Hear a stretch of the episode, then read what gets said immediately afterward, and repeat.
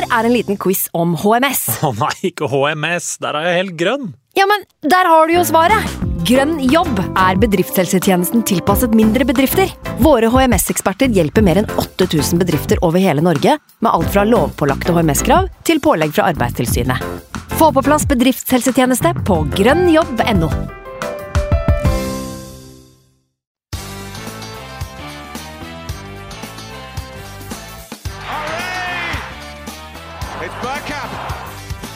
up for grabs now!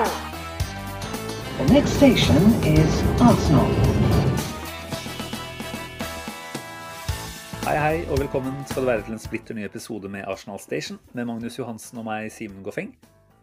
For min egen del så er vel eh, EM-fotball fortsatt kos og et eh, behagelig avbrekk fra den mer følelsesinvesterte klubbfotballen.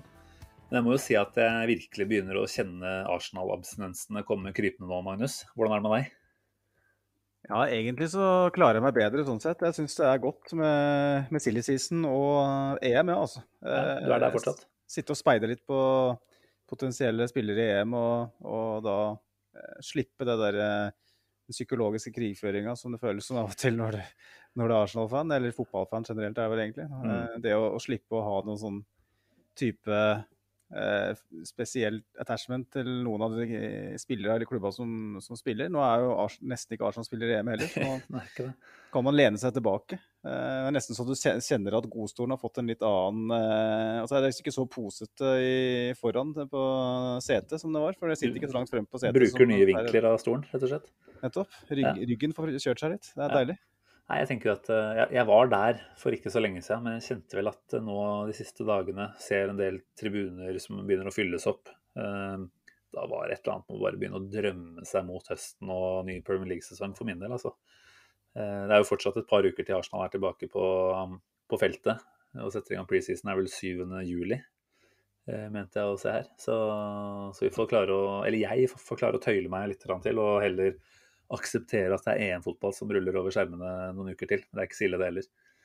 Nei, og så er det så jævlig deilig å, å se fotballkamper hvor det er fans på tribunen. De scenene i Budapest og sånn, og ikke minst i parken i København. Altså, det er så Det blir nesten kåt, altså. Fotballkåt altså. Det er så fint å se på når eh, voksne menn i baris, eh, som kanskje stort sett har uh, sittet i ro, eh, bøtter innpå øl og kaster øl i vær og danser og klemmer hverandre og sånn. Det er, eh, det er på en måte en sånn virkelighet vi glemte at eksisterte. Mm. Eh, som vi har lengta så vanvittig tilbake til. Og det her det er jo på en måte en liten smaksprøve av, av det livet vi skal tilbake til. Vi skal til England igjen, og vi, vi, vi skal eh, klemme middelaldrende menn i baris, og vi skal kaste ølglass i været. Og Jeg sitter og håper at det ikke blir sånn eh, at nå, nå koser vi oss med det vi får servert nå, så får vi betale prisen til høsten. Hvis, eh, hvis det er sånn at de begynner å fylle opp Wembley med 60 000 nå mot uh, semi og finale, så, så sitter det en liten følelse i meg om at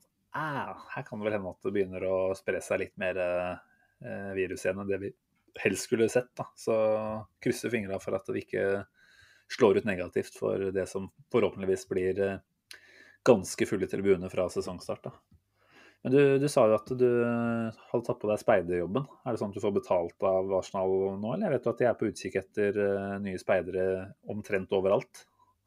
ja, det driver og utlyser stillinger i alle retninger, har jeg sett. Så eh, per nå så er det frilans. Så, så får vi se da om det, det er noen som vil ha det stykket arbeid jeg legger ned. Jeg har ikke skrevet ned dem, så de må ta det på husk. Men eh, nei, er, jeg syns jo det er noe av det, det fineste med, med de mesterskapene. Er at, eh, at du oppdager en del nye spillere, og, og så følger du gjerne med på dem eh, videre da, i karrieren deres. Jeg, jeg oppdaga jo Ta et eksempel når jeg oppdaga Mesut Özil i 2010. Ikke at han var Når jeg oppdaga Mesut Özil, ja. jeg, Ja, ikke sant? Der hører du det. Ja, det var meg, det. Eh, men altså, når, når jeg på en måte ble oppmerksom på han, da, som er en finere og mindre cocky formuleringsmåte, så var jo det en av de fineste fotballopplevelsene det året. Eh, og Fitte å følge meg på han i Sør-Afrika da, og drømme om, drømme om å se han i Arsenal-drakt. At det skulle skje, var jo helt vanvittig. Mm. Eh, og det er jo litt den, den greia, ikke sant. Man, man ser på en måte etter spiller som, som eh, Arsenal kunne hatt bruk for, og som har passa inn i, i Arsenal. Samtidig som man òg eh, finner spillere som, som ikke nødvendigvis tenker sånn på, men som man bare rett og slett lar seg fascinere av på Mm. forskjellige måter. Du har jo alt fra Mikkel Damsgaard til eh, Artem Suba, ikke sant, i en kamp. Eh, det var jo hele, hele rekka, hele, hele skalaen. Og du blir fascinert av alle. Det er eh, ikke, at Russ, ikke at Russland skal få noe som helst slags skryt fra meg, sånn sett, men det er, det er skikkelig gøy med, med, med mesterskap. Ja. Jeg vet ikke om vi skal ta, ta den allerede nå, jeg. hvilke spillere man eventuelt kunne ha tenkt seg fra et av disse EM-lagene inn i Arsenal til, eh, til neste sesong. Er det sånn at du har, eh, har plukka deg ut en favoritt der? Jeg vet vel særlig en forsvarsspiller på Nederland som, eh, som du ikke akkurat er lunken til, for å si det sånn. nå sitter alle og tenker at det er Denzel Dumfries. Eh, Ja, det- det er det. Det er jo mange som har fått øye opp for han, men det er jo først og fremst fordi han har gjort framme på banen. Og da får jeg alltid en liten sånn Nja, han er forsvarsspiller. Dette her er ekstreme tilstander som ikke kommer til å vedvare. Ref litt Thomas Vermalen, tenker jeg da. Eh, og det er vel kanskje sånn at i akkurat Dumfries tilfelle så skygger det litt over at han har noen defensive utfordringer, og kanskje også noen ballmessige mangler, for å si det sånn. Vi var jo veldig um, begeistra for Kolasinac da han kom til Arsenal, bare for å ta et eksempel på en spiller som var veldig direkte og kom inn i boks og skapte overtall osv. Uten, å- uten å trekke den sammenhengen for langt. Da. Så jeg var litt som deg, men jeg har funnet en eh, Jeg, jeg har speida meg fram til en eh, høyere stopper, og det vil si det blir jo da egentlig helt meningsløst. fordi der er vi vel godt besatt, spesielt hvis Ben White eh, kommer. Men han Jurien eh, Timber, som uh, spilte åpningskampen mot Ukraina, som også spilte en omgang uh, mot uh, Nord-Makedonia, var det vel. Han syns jeg så fryktelig spennende ut. Han er bare 19 år. Han, gjorde vel sin, han hadde vel knapt nok vært på banen for Nederland. Det er ikke lenge siden han var hva skal jeg si, juniorspiller og så ut som han hadde Det er et sånn klassisk Ajax-produkt. Han Så ut som han hadde spilt fotball på toppnivå i ti år. Eh, det syns jeg var eh, det, det er liksom one to watch, da, tenker Mm. tenker jeg, i tida som kommer. Nå er jo på en måte eh, Frenkie de Jong og Matheis de Licht og sånn har kommet seg ut og, og blitt uh, viktige spillere i veldig veldig store klubber. Jeg, jeg tenker jo at han uh, godeste godeste Timber fort kan være nestemann, ja. Mm. Eh, så hvis Ben White-dealen eh, ryker, så Ja, det skal vi snakke mer om etterpå. Eh, Vi kommer vel eh, absolutt ikke utenom å prate en del om Ben White og potensielt 500 millioner kroner på en eh, stopper. Eh, Men det kan vi komme tilbake til. Eh, For egen del så må jeg jo si at altså, jeg vet det er urealistisk, men når man ser Manuel Locatelli litt sånn majestetisk bevege seg rundt på banen for Italia, som han i hvert fall har gjort i to av de tre kampene som har vært i nå, kan jeg ikke si noe annet enn at jeg har hatt noen våte drømmer og fantasier om hvordan han og Partei kunne utfylt hverandre der.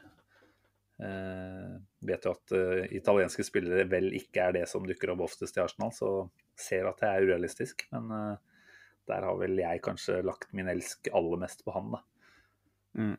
Jeg har jo Den, den rollen han spiller for Italia, virker jo skreddersydd for nå. Eh, Mm. Og han går jo sømløst inn og, og, og nærmest eh, gjør savnet av Verratti eh, altså det, det virker ikke som om det er behov for Verratti engang. Eh, så det, det har vært nydelig å se på. Og den skåringa som de eh, hadde nå i Hvilken kamp var det? Det var andre kampen, ja. Mot uh, ah, Hvem var det? Jeg husker det, vet du. Det har ikke vært så mange kamper. Eh, var det mot Sveits, muligens? Jo, det var det. Fordi det var vel da det liksom ble litt sånn åpenbart for alle at uh, Chaka har sitt tak, og så er det en del spillere som kanskje det går an å få helt andre nivåer fra. Altså, vet du at det er mange Gunners som er litt lunkne til det å selge Saka. Nei, unnskyld, Sjaka. Saka hadde jeg også vært ganske lunken til å selge.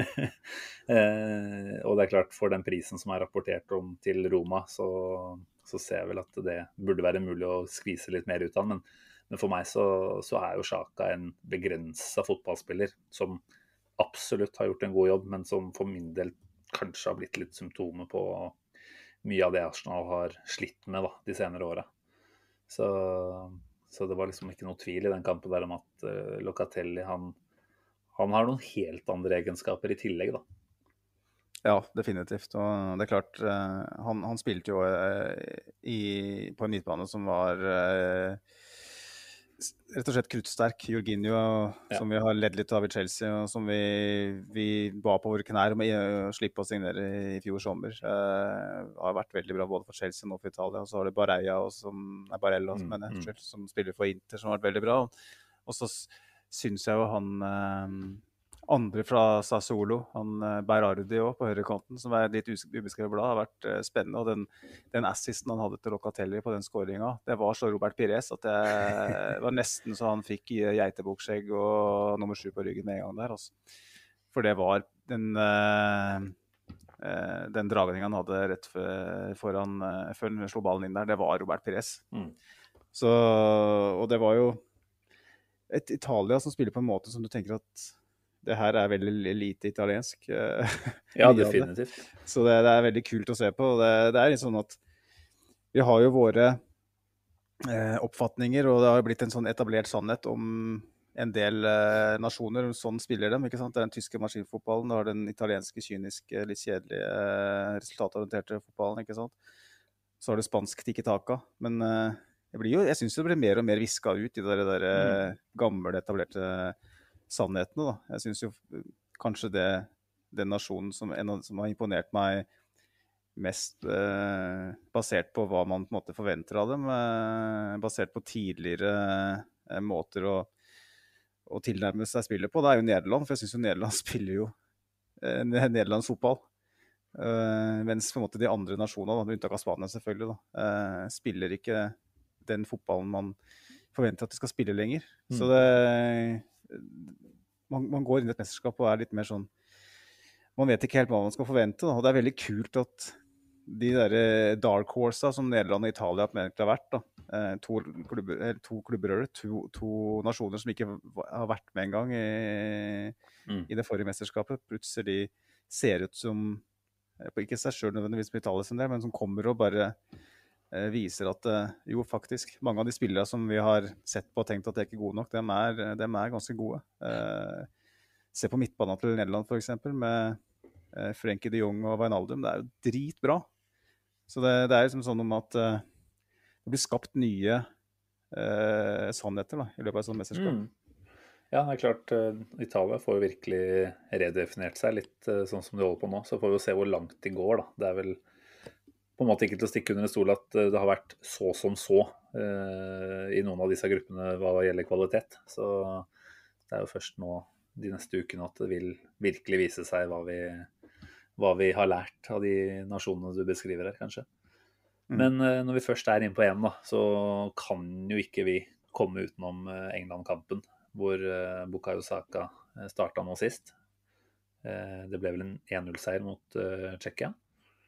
Mm. Eh, Saka fikk jo mye fokus i starten, nei, i forkant. Eh, for så vidt eh, mindre enn Grealish og Sancho, fordi det var vel ganske mye hylekor ute både blant supportere og blant media om at de to nevnte der skulle starte etter litt tamme opptredener i de to første.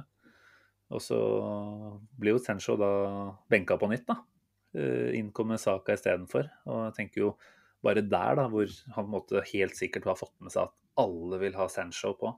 Det er jo en ekstrem eh, Jeg vet ikke, Det legger jo opp til en ganske stor forventning til den som da tar hans plass istedenfor. Mm. Eh, og hva er det de kaller han? Lill Chili. Han var veldig chill der ute og så ikke ut som han hadde gjort annet enn å spille landslagskamper på den største scenen. Han, jo, han ble vel kåra til med hans beste òg, gjorde han ikke det? Stemmer det. Mm. Han, Nei, det var, eh, det var en nytel, nytelse. Må jo kunne sies å være, fra et Arsenal-perspektiv, i hvert fall EMs uh, høydepunkt. det altså. Mm. Uh, han fikk den prisen, og den var fortjent. Han var den beste spilleren utpå der. Uh, jeg vil si utvilsomt. han, han ble vel den ene som fikk være med lengst òg, av de offensive spillerne. Plukka jo både av Stirling og Grealish og, før de tok saka. Så og det var eh, rett og slett fordi at han var den som den ene som klarte å skape noe. Eh, spesielt i altså, Det var i første omgangen som var eh, den beste for England sin del. Mm. Det var to veldig vidt forskjellige omganger, men Grealish, nei, Grealish uh, slokna jo helt i andre omgang, og sammen med Stirling. Men Saka fortsatte å, å stille spørsmål til, eh, til Tsjekkia. Eh, og var Hva skal jeg si? Han var vel det eh, England-supporterne håpte at Grealish og Sancho skulle være. Den som eh, tok med seg ball gjennom ledd og skapte ubalanse. Mm. Eh, det Ja, var det veldig ikke- gøy å se. Ikke sant? Det er jo ikke til å komme utenom at uh, altså selv om Saka begynner å bli et stort navn også i England, selvfølgelig, så, så er han jo først og fremst på radaren til oss Arsenal-fan. Han hadde jo ikke noen elleville tall uh, i form av mål og målgivende denne sesongen her. Selv om jeg må si at han bidro med så ekstremt mye annet, så det skulle i utgangspunktet ikke bety noe. Men, men for den jevne supporter av England, så, så er det vel kanskje naturlig da, å rope høyere etter de andre navna. Men, eh, men med den prestasjonen som han leverte nå, så er det vel nesten ikke til å komme utenom at han bør få starte, eller? Mot uh, Tyskland. Jeg tror ikke han kommer til å starte, men Tror du Foden er eh, tilbake igjen der? Ja, jeg Ja. tror det. Foden er Altså, jeg er meget, meget begeistret for den godeste Bukayo. Eh, Jeg må bare si det. Eh, Fantastisk fotballspiller og viser det igjen hvor uredd han er. Eh, Virker litt mer uthvilt og, og sånt og klar igjen. Men Phil Foden er, eh, altså basert på det jeg har sett, det største talentet England har. Han er helt ekstrem og han har ikke fått det helt til Nei, i mesterskapet så langt. Altså, men det er noe med Raheem Sterling hadde jo vært crappy for City over lengre periode. og Han får eh, beholde plassen sin, og jeg tipper Foden får tilbake sin plass. Mm. Men det er klart, hvis han, hvis han spiller eh, svakt i 45-50-60 minutter, så da sitter det en på benken der som har vist at han kan Mm. gå inn og gjøre en vel så god jobb, hvis ikke bedre. Så det blir, eh, blir spennende å følge. Er, han har iallfall eh, kasta hatten sin i ringen. eh, og kommer nok eh, til å være blant eh, de første som blir eh, henta fram hvis det blir behov for å gjøre endring. Mm. Mm. Det blir gøy å følge med videre. Hva tror du om, eh, om ja, kanskje særlig den kampen? da. Det er jo et gigantoppgjør med, med mye historie i seg. Eh, har jo møttes noen ganger før, for å si det sånn, i mesterskapssammenheng. Eh, har jeg, jeg tenker jo at sånn som den eh, turneringstreet er satt opp nå, så vil jo vinneren av den kampen der være en favoritt til å ta seg helt til finalen. Så, og jeg syns jo absolutt ikke Tyskland har sett eh, De har sett bra ut mot eh, Portugal, det gjorde de. Men eh, jevnt over så har det vært så som så, det de har levert der også. Så det er klart, med Bukayo på, på laget, så er det ikke noe tvil om hvor min eh, support ligger, da. Eh, jeg, jeg kjenner vel at eh, England har en alle tiders mulighet her for å ta seg ganske langt nå. Ja, vinner det mot, mot Tyskland, så, så er, lukter det finale. Da er det kanskje Nederland da, som ser farligst ut av de andre lagene der. Og det er Stekelenburg i mål, som er 58 år. Og det er jeg redd de kommer til å ryke på det. eh, at de ikke klarer å holde buret rent. Eh, eh, mens England slipper omtrent ikke inn mål. De hadde vel var det tre baklengs på elleve kamper eller noe sånt. Og spiller dritkjedelig fotball til tider, det må sies. Men de er solide, og de har krydder offensivt. Og Harry Kane har ikke skåra ennå. og jeg vil tro han kommer til å gjøre det. Eh, så jeg føler at det er noe uforløst over England. Og jeg tror de slår Tyskland. Ja. Altså, jeg, tror, jeg synes, som du sier, det tyske landslaget der, det, det er noe som skurrer der. Eh, De har en del gode spillere. Jogi Løv er årsaken til at mye skurrer, vil jeg vel, hvis jeg skal være litt enkel, si. da. Det er vel en uh, fotballtrener som uh, sliter litt med å trykke på riktige knapper hos det laget der etter å ha vært der nå i Hvor lenge er det? Uh, oh, det er lenge. tol- tolv år, eller noe sånt? Tok han over rett etter eh, VM i 2006, når Klinsmann var trener. Han var der er allerede i EM28, ikke sant? Så mellom 12, 13 og 15 år rundt der. Har nok vært sjef. Så lenge ikke Leno har den keeperplassen til sin egen, da, da klarer jeg ikke å bry meg nevneverdig om hva Tyskland vinner på. Nei, jeg var jo litt sånn Tyskland-sympatisør ja, når Øzil eh, spilte der, da. Men Mm. etter at han ble nærmest mobba ut av landslaget der i VM i 2018, så bryr meg svært lite om Tyskland igjen. Og det her er et blekt Tyskland i forhold til det med, med Schweinsteiger og Podolsky Øzil og den gjengen der. Er, eh, de har mye spennende, men eh, bakover viser dem at det ikke helt henger sammen. og jeg så uh, Mads Hummels er for all del en, en god fotballspiller, men eh, det er noe med at han ble liksom veid for lett for for Bayern. Og det er på en måte på, på hell, da. Og jeg føler at eh, at eh, England har en kjempesjanse her. Eh, de fikk mye skryt i England når de kom til semifinalen i, i VM i 2018, men da slo de i stort sett bare lag de skal slå, og røk mot Kroatia når de møtte et, Mm. et litt kvalifisert motstand.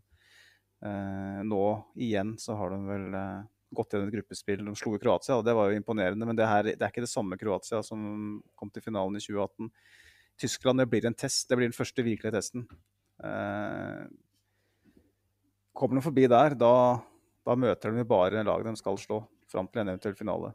Så da, det, da kan det være at uh, it's coming home, er ikke det man sier borti der? Blir eh, 11-11 på straffer, og så, så blir det sånn ny regel i år. har jeg hørt det, At eh, managerne skal inn og ta den tolvte straffa i så fall. Og da veit vi jo alle hva som skjer. Det blir Southgate-bom på nytt. Jogge Løv, som har eh, stått og lukta seg litt under uh, armhula i forkant, han, han setter den. Jogge Løv har smitta ballen med, med kjønnslukt og sørger for at Southgate ikke vet hva han holder på med. Nei, men eh, la oss eh, la EM-prat være EM-prat. Vi kan jo nyte det videre, bare. Og så må vi jo dra fokuset ordentlig over på Arsenal, da. Eh, skal vi starte med Ben White, som vi allerede har vært litt innpå? Der eh, har det jo kommet relativt eh, klare nyheter nå denne ettermiddagen. Vi spiller jo inn eh, torsdag kveld. Det var vel Ornstein da, som var først ute til å melde at man hadde kommet med et nytt bud. 45 millioner pluss 5 millioner i add-ons. Og så var det vel da en Brighton-journalist som har skrevet at et bud på 50 millioner pund rent er akseptert. Så akkurat hvor det ligger, vanskelig å si, men alt tyder jo på at uh, den dealen kommer til å gå gjennom. Eh, Personlig uh, avtale og den pakka der er, er visst allerede i boks. Uh, og da er det jo liksom dette kjempespørsmålet. da. Er det riktig bruk av ressurser å svi av en halv milliard kroner på en stopper? Det er et, uh godt spørsmål. Eh, det kommer helt an på om eh, William Saliba er klar eller ikke. Eh, fordi William Saliba eh, har vi venta lenge på nå. Eh, han har prestert etter sigende veldig godt i, Frankrike. Tallene viser òg at backer i hvert fall opp til dels. Eh, det som ble sagt, Paul Thomas Clay, som var her, som ser mye fransk fotball, han, han sa det samme. Mm. Og Kan du ta med et par, eh, bare for å avbryte deg kjapt her, ta med et par eh, innspill fra forskjellige lyttere. Andreas Mathiassen på Twitter eh, skriver rundt 500 millioner for Ben White når, man, når vi har en ubrukt Saliba i stallen. Da har jeg i hvert fall tro på at klubben har mye å rutte med når de kan punge ut så mye for en ny forsvarsspiller. Og det er vel noe vi har vært inne på tidligere òg. Altså, en stopper er selvfølgelig viktig når vi, vi ser at eh, Louise hadde en så viktig rolle å spille i det oppbyggende spillet. Mm. Men, eh, men det er allikevel kanskje ikke mer enn nummer tre eller fire på prioriteringslista den sommeren her. Da. Og hvis det da er sånn at vi kan bruke en halv milliard der, så må vi vel kunne anta at det betyr at her er det en del ressurser som kan legges på andre områder også. ja, det er det vi håper, da, at det er det det betyr. Eh, nå er det ikke slik at eh, ressursbruken eh, på overgangsmarkedet har vært eh, veldig klok for Arsenal de siste åra. Så det er jo sånn at rattet har skifta hender ganske mange ganger i løpet av den tida. Så vi må jo bare håpe at de som styrer butikken nå, eh, er såpass oppegående at de, at de ikke brenner hele budsjettet i en posisjon som er et stykke ned på lista. Men jeg tror at Arteta er så insisterende på at han skal ha spillende stoppere, at hvis eh, Saliba ikke er klar, så skal han ha inn en, en spillende stopper på høyresida. Eh, og da, med tanke på at han er 18 måneder eldre enn Saliba, da, så kan eh, Det vil si at om Saliba da skulle bli klar da om et år eller to, så er Ben White såpass eh, ung fremdeles at, eh, at den veien fram til en førsteelver for Saliba da, i hvert fall hvis han skal spille på høyresida, eh, den er veldig, veldig lang. Eh, Ja, man da- kommer jo ikke tenk- utenom det. Nei. og da, da, da, da tenker jeg at det her er et kanskje det, det tydeligste signalet til nå på at eh, Saliba ikke kommer til å få sjansen i Arsenal. Mm. Rett og slett. Kommer Arsenal, det et bud på han i sommer, så, så tror jeg vi selger. ja, Arsenal Fifa 1 på Twitter skriver til oss eh, at han ser på Ben White som en god signering. Vi har ikke hatt solide stoppere på flere år, men nå får vi Gabriel og White som begge virker lovende. Samtidig har vi Saliba, som man kan håpe blir en spiller vi kan beholde og utvikle videre. Og det er jo Ja, jeg syns det er kjempevanskelig å si. Han har jo kontrakt til 2024, Saliba. Eh, Det er jo snakk om at han kan gå tilbake på et lån til Marseille eller Nis, og Newcastle har vel vært ganske hyppig nevnt eh, i det siste. Eh, Så ett alternativ er jo selvfølgelig at han får et utlån i Premier League, gjør sakene sine virkelig godt og kan komme tilbake. Spørsmålet igjen er jo da å ha tre skal vi si, førstestoppere eh, er jo vanskelig å se for seg, eh, med tanke på at det er den posisjonen du rullerer minst på ideelt sett, da, sammen med Mm. keeper. Eh, og det ser jeg også selv om vi da håper å være tilbake i Champions League etter hvert.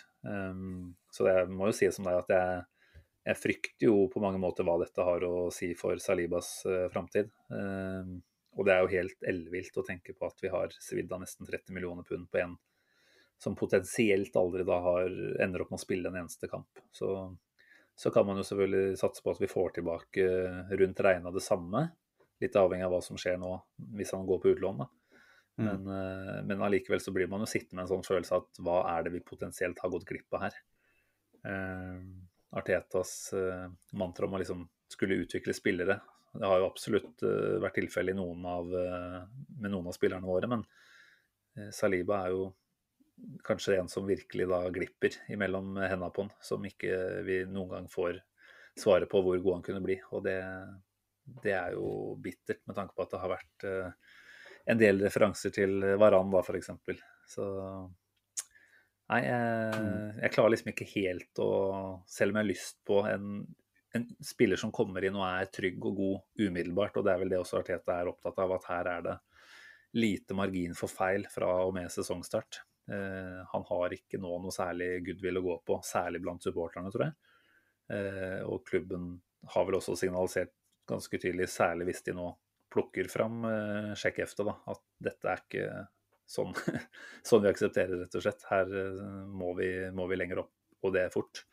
Og det er klart, hvis Arteta da hadde sittet der med en holding som ikke kan gjøre den jobben han ønsker, eller en Saliba som aldri har spilt i Premier League, så, så forstår jeg at Arteta er skeptisk til det også.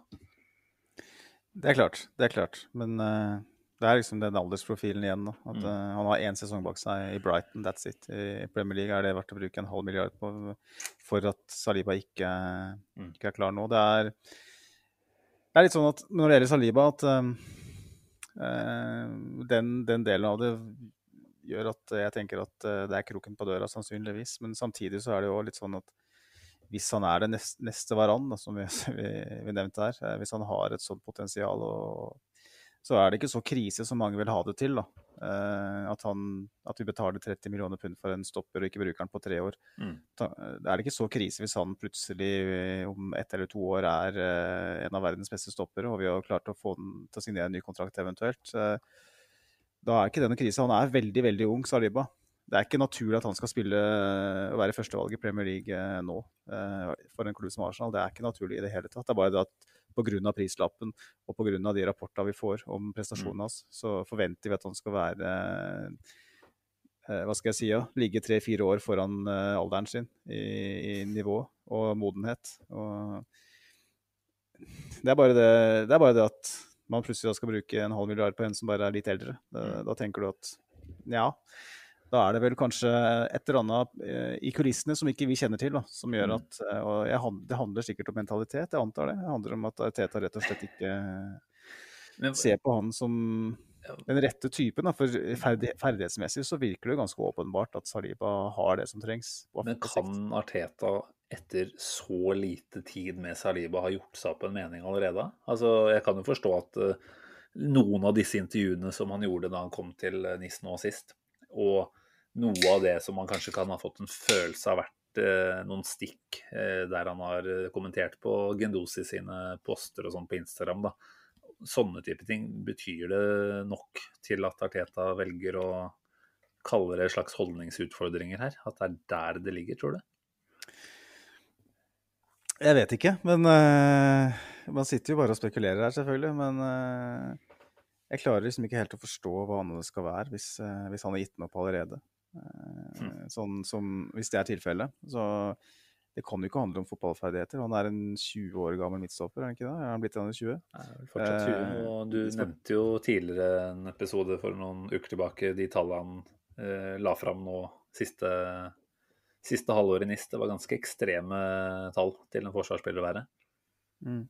Så Nei, jeg... jeg... vet ikke, men det er jo da, Vi hadde jo den sommeren 2019 når eh, var, Da følte i hvert fall vi som supportere at nå slår Arsenal virkelig på stortromma. Vi henta inn eh, David Luiz, Dani Ceballos eh, var på lån, selvfølgelig. Og så fikk vi inn PP og Saliba. Og spesielt de to sistnevnte føltes det som det var noen statement-signeringer. Nå går Arsenal ut og henter en stopper til 300 mil, um, som skal på lån ett år tilbake til Frankrike. For det har vi råd til å gjøre. Mm. Så henter vi PP, som ble sikla på av alle storklubber da, ettersigende, for 72 millioner pund. Det første Teta gjør, er å hente, når, når han får et sommervindu, er å hente en, en 32 år gammel uh, avdanka pensjonist fra Chelsea, som skal inn og ta plassen til PP på laget. Den Store investeringen der ett år senere så virker det som det går og henter en 50 millioners pund mann eh, fra, fra, Brighton som skal inn og ta plassen til Saliba. Ikke bare på kort sikt, men på lengre sikt. Så eh, det er klart eh... mm. Nei, det, det, er vanskelig å, å, tenke at det betyr så veldig mye annet enn exit Saliba. Det, og da er jo spørsmålet hvor mye Ja, det kjenner jeg egentlig at jeg bryr meg litt uh, katta om akkurat hvor mye vi får tilbake for den. Men uh, jeg vil heller mer ja, eh, potensielt eh, skuffa over hva han kan komme til å være for en annen klubb. da, Som vi i ettertid vil sitte og tenke hva faen er det vi har gjort her? Men ja. Eh, det er lett å være etterpåklok.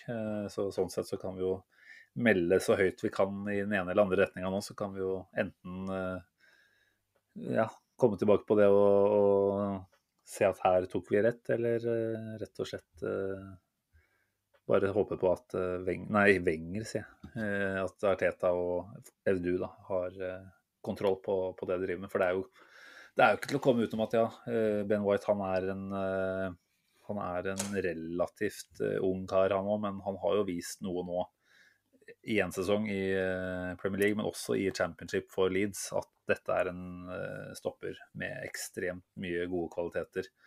Eh, du har jo en kamerat, vel, som eh, ser mye Leeds-kamper, og har vel fått noe tilbakemeldinger fra han opp igjennom òg, hvor, eh, hvor, god stopper dette her faktisk er.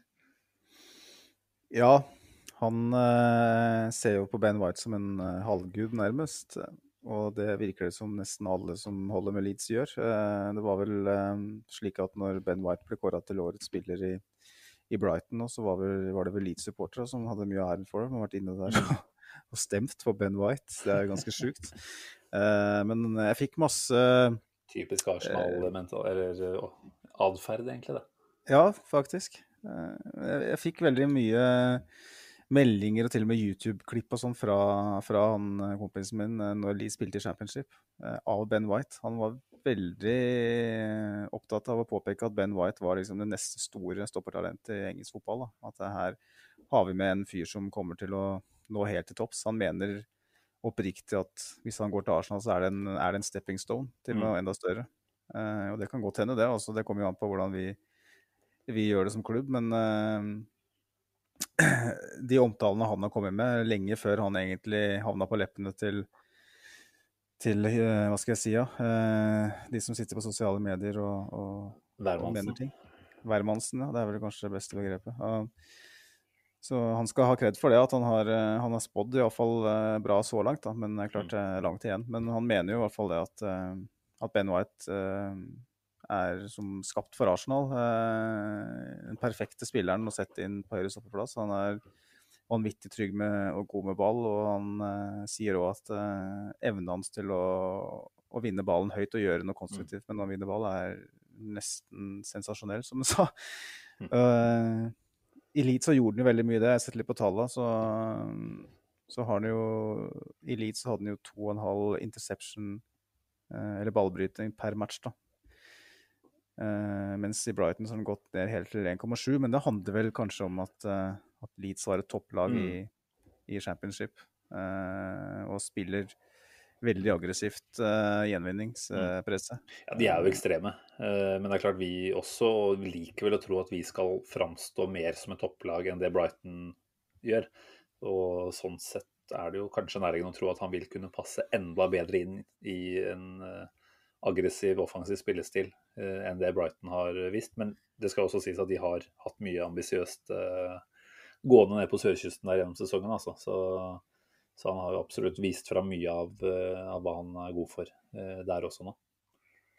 Hva tenker du Simen, ut ifra det du har sett av Ben White i Premier League? Er det sånn at du tenker at han er, eh, vil gå rett inn i elveren og styre eh, spillet bakfra? Altså, typen Ben White er det vanskelig å på en måte si noe om. Da. og Jeg føler at det med typer er noe vi faktisk må ha litt fokus på. Eh, for er det én, altså ved siden av Tierney selvfølgelig, som vi på en måte kan se for oss at er en ledertype bak der, så er det jo Holding som har en del eh, egenskaper på det området. Eh, så jeg tenker jo at hvis det da blir han White tar over for, og det gjør det jo da etter alle solmerker, så tenker jeg det er kjempeviktig at han kommer inn og tar en, en lederrolle og er, en, er, et referansepunkt bak der med en gang. Da. Eh, akkurat på det området så kjenner jeg ikke nok til han, har liksom ikke noe inntrykk av det. Men, eh, men, som fotballspiller så, så, liker jeg vel å tro at dette er en fyr som kan passe som hånd i hanske i forhold til hva Arteta ønsker å få til. Eh, veldig trygg med ball.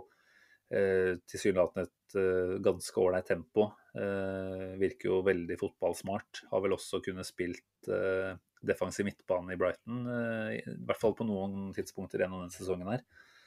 Så jeg mm. tenker at det er eh, Altså, jeg håper ikke vi ender opp med å signe han som en eh, defensiv midtbanemaker til eh, Thomas Partey. Det er ikke der jeg tror det Det ville ikke vært noen sånn kjempe, kjempeløsning, tror jeg. Men spørsmålet blir jo pris. Og da er vi litt tilbake på skal vi bry oss altfor mye om dette med pris. Hvis det går utover andre signeringer, ja, da er det dumt. Kanskje å ende opp med å betale så mye. På den annen side så vet vi at Brighton avslo ca. 40 millioner, vel? Eller i hvert fall eh, var det der de lå i fjor, når Leeds uh, var ute det var, uh, det var vel det som var uh, prisforlangende. Ja, uh, mens Leeds gikk vel opp til 35, sånn, tror jeg, ut ifra hva jeg har lest. Så vet, han var veldig sånn haftig på 40. Ja, Liverpool har jo vært ute etter den. Endte jo opp med han Ibrahima Konaté istedenfor. For en billigere penge, for så vidt òg. Han kom vel på 35. Så det, det blir på en måte det som er spørsmålet. Hvor mye er han verdt? Eh, hadde vi fått han for 35, så tenker jeg alle hadde tenkt dette er en kjempesignering. Eh, jeg føler at 50 er en massiv sum da, som automatisk legger til et ekstra element av press på skuldrene hans. Eh, og da kommer jo en del av de mentale aspektene inn, da, og der tenker jeg det er vanskelig å spå. Så jeg vil absolutt si at det er en signering jeg syns er spennende. og så, Som jeg har sagt, gå på bekostning av Saliba. Det er bittert potensielt. Eh, men det kan være en av de viktige bitene som gjør at Arteta får satt eh, dette her fra så tidlig av som mulig. Og det, der har vi vært veldig tydelige.